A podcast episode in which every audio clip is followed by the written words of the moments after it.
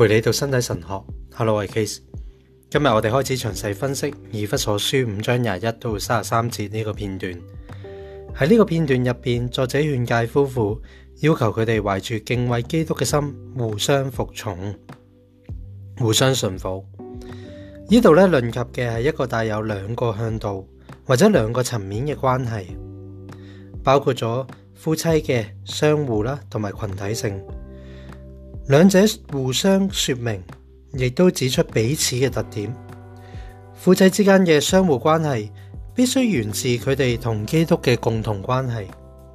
书信作者所指嘅怀住敬畏基督嘅心，同佢所讲嘅敬畏上帝相似。呢度所讲嘅唔系我哋要面对邪恶威胁嘅时候，出于恐惧或者害怕而采取嘅防御态度，而系对神圣之物啊！嘅尊敬，即系敬虔嘅态度，亦即系旧约所指嘅敬畏上帝。事实上，咁样嘅敬虔呢，系嚟自对基督奥秘深切嘅意识，而且必须系夫妇之间嘅相互关系嘅基础。我哋选取嘅经文，一如紧贴嘅上下文，亦都具有劝训嘅特色，亦即系道德训示嘅特色。书信作者希望向夫妇指出应该点样建立佢哋嘅相互关系同埋所有嘅行为。佢喺书信嘅开手去解释基督嘅奥秘入边，推论出具体嘅指示同埋导引。呢个奥秘必须喺灵性上面存在于夫妇之间嘅相互关系入边。基督嘅奥秘穿透咗佢哋嘅心，喺佢哋入边咧燃起敬畏基督。嘅神圣心火，亦即系咧敬虔，因此必定使佢哋咧互相去顺从。基督嘅奥秘就系上帝喺创世以前喺基督入边拣选咗佢哋每一个成为上帝儿子嘅奥秘。我哋已经论述过以弗所书五章廿一到三十三节，分析佢较远同埋紧贴嘅上下文。而呢个片段开首嘅一句，带有一种完全独特嘅说服力。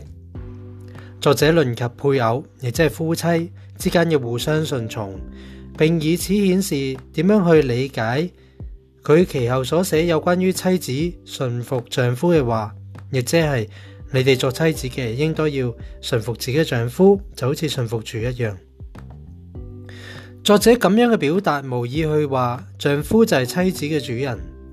而婚姻特有嘅位制盟约，并非丈夫主宰妻子嘅契约，佢表达嘅系另一种概念，亦即系基督为住夫妇双方嚟讲，都系唯一嘅主，妻子能够且应该喺佢同基督嘅关系入边，揾到同丈夫建立关系嘅动力，呢个先系婚姻同埋家庭嘅真正内涵。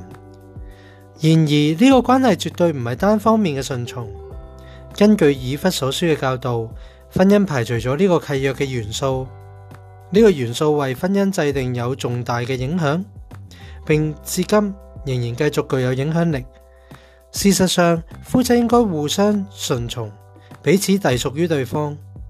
呢个互相顺从嘅关系系源自基督徒嘅敬虔，而佢表达紧嘅就系爱。书上作者劝喻为人丈夫嘅时候，以特别嘅手法强调咁样嘅爱。佢咁样写啊，你哋作丈夫嘅应该要爱妻子，咁样去表达。佢就除咗先前你哋作妻子嘅应当服从自己丈夫呢句话可能引起嘅恐惧，呢个恐惧尤其基于系现代人嘅睇法啦。爱会令到妻子顺服丈夫，而唔系。不至于成为丈夫嘅奴隶或者仆人，或者被主宰嘅对象。而爱咧，同时要求丈夫咧去服从妻子，以此作为对主嘅服从，正如妻子服从丈夫一样。佢哋藉住婚姻应该要组成嘅团体或者嗰种群体结合，系透过相互嘅自我交付而实现嘅。而咁样亦即系一种互相嘅顺从。基督系咁样顺从嘅根源。同时亦都系典范，两个人怀住敬畏基督嘅心，互相顺从，因而赋予呢个夫妻结合富深度同埋成熟嘅特色。喺根源入边，并喺呢个典范之前，好多属于心理性质同埋道德性质嘅因素都得以转化，以致我会话，可以话系双方嘅行为同埋关系产生咗一种崭新而宝贵嘅融合。以弗所书嘅作者并唔害怕接受嗰啲具有当代心态同埋习俗特色嘅见解，佢唔怕论及为人妻者要顺服丈夫，此外佢都唔怕劝告为人妻者要敬重自己嘅丈夫。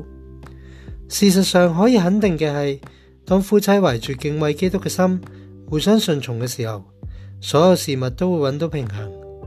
并相較於佢哋作為基督徒喺基督教秘入边嘅呼召，可以相相稱於佢哋作為基督徒喺基督奥秘入边嘅呼召。無疑，我哋呢一代嘅敏感度固然有所唔同啦，心態啦、習俗亦都有轉變，而女性相對於男性喺社會上面嘅位置亦都有好大分別。然而，以弗所書潛藏嘅勸训原則依然適用。并可以产生同样嘅果效，怀住敬畏基督嘅心，互相去顺从，系建基于基督徒敬虔嘅态度嘅顺从。一直以嚟都系夫妻组成嘅群体，坚稳强力嘅支柱，从中真正嘅位制共融咧，就得以体现啦。以弗所书作者喺书信嘅开端，美妙咁样展示咗上帝为人类预定嘅永恒计划。佢冇局限，只系强调传统嘅道德观点或者婚姻嘅伦理层面，反而咧超越咗呢啲嘅教导。喺论述夫妇之间嘅相互关系嘅时候，揭示咗呢个关系嘅另一向度，亦即系呢个基督嘅奥秘。而佢就系基督。嘅使者同埋使徒，以弗所书五章廿二到廿五节咁讲：，你哋作妻子嘅，应当要服从自己嘅丈夫，如同服从主，因为丈夫系妻子嘅头，如同基督系教会嘅头，佢又系呢个身体嘅救主。教会点样服从基督呢？作妻子嘅亦都要点样事事服从丈夫。你哋作丈夫嘅，应该要爱妻子。就如同咧，基督爱咗教会，并且为佢舍弃自己咁啊！咁样一嚟，属于书信劝诫部分嘅教导，可以话系被陷加陷咗入去奥秘嘅呢个事实入边啦。呢个奥秘系自永恒隐藏喺上帝之内嘅，并喺耶稣基督身上咧向人类启示嘅。可以话喺以弗所书入边，我哋见证到呢个奥秘同埋婚姻呼召嘅本质嘅结合点。我哋应该要点样去理解呢个结合点呢？喺以弗所书嘅经文入边，呢个结合点主要系以一个重要嘅类比嚟表达嘅。我哋读到：你哋作妻子嘅时候，应当要服从自己嘅丈夫，如同服从主。呢一句系呢个类比嘅第一个组成部分，因为丈夫系妻子嘅头，如同基督系教会嘅头。呢一句系呢个类比嘅第二个组成部分。佢说明咗第一个组成部分，并说明咗因由。教会点样服从基督？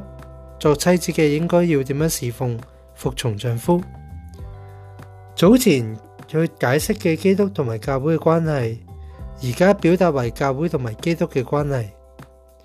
而呢个包含系一个类比组成嘅部分。最后，你哋作丈夫嘅应该要爱妻子，如同基督爱咗教会。并为佢舍弃咗自己。呢个系类比最后一个组成部分。经文余下嘅内容详细解释咗艺术说咗刚才引述嘅片段所蕴含嘅思路，而以弗所书嘅整个经文完全系由呢个类比所渗透。亦即系话，基督徒喺理解配偶之间、夫妻之间嘅相互关系嘅时候，必须以基督同埋教会嘅呢个关系嘅图像。作為依據。好，我哋下次再讀。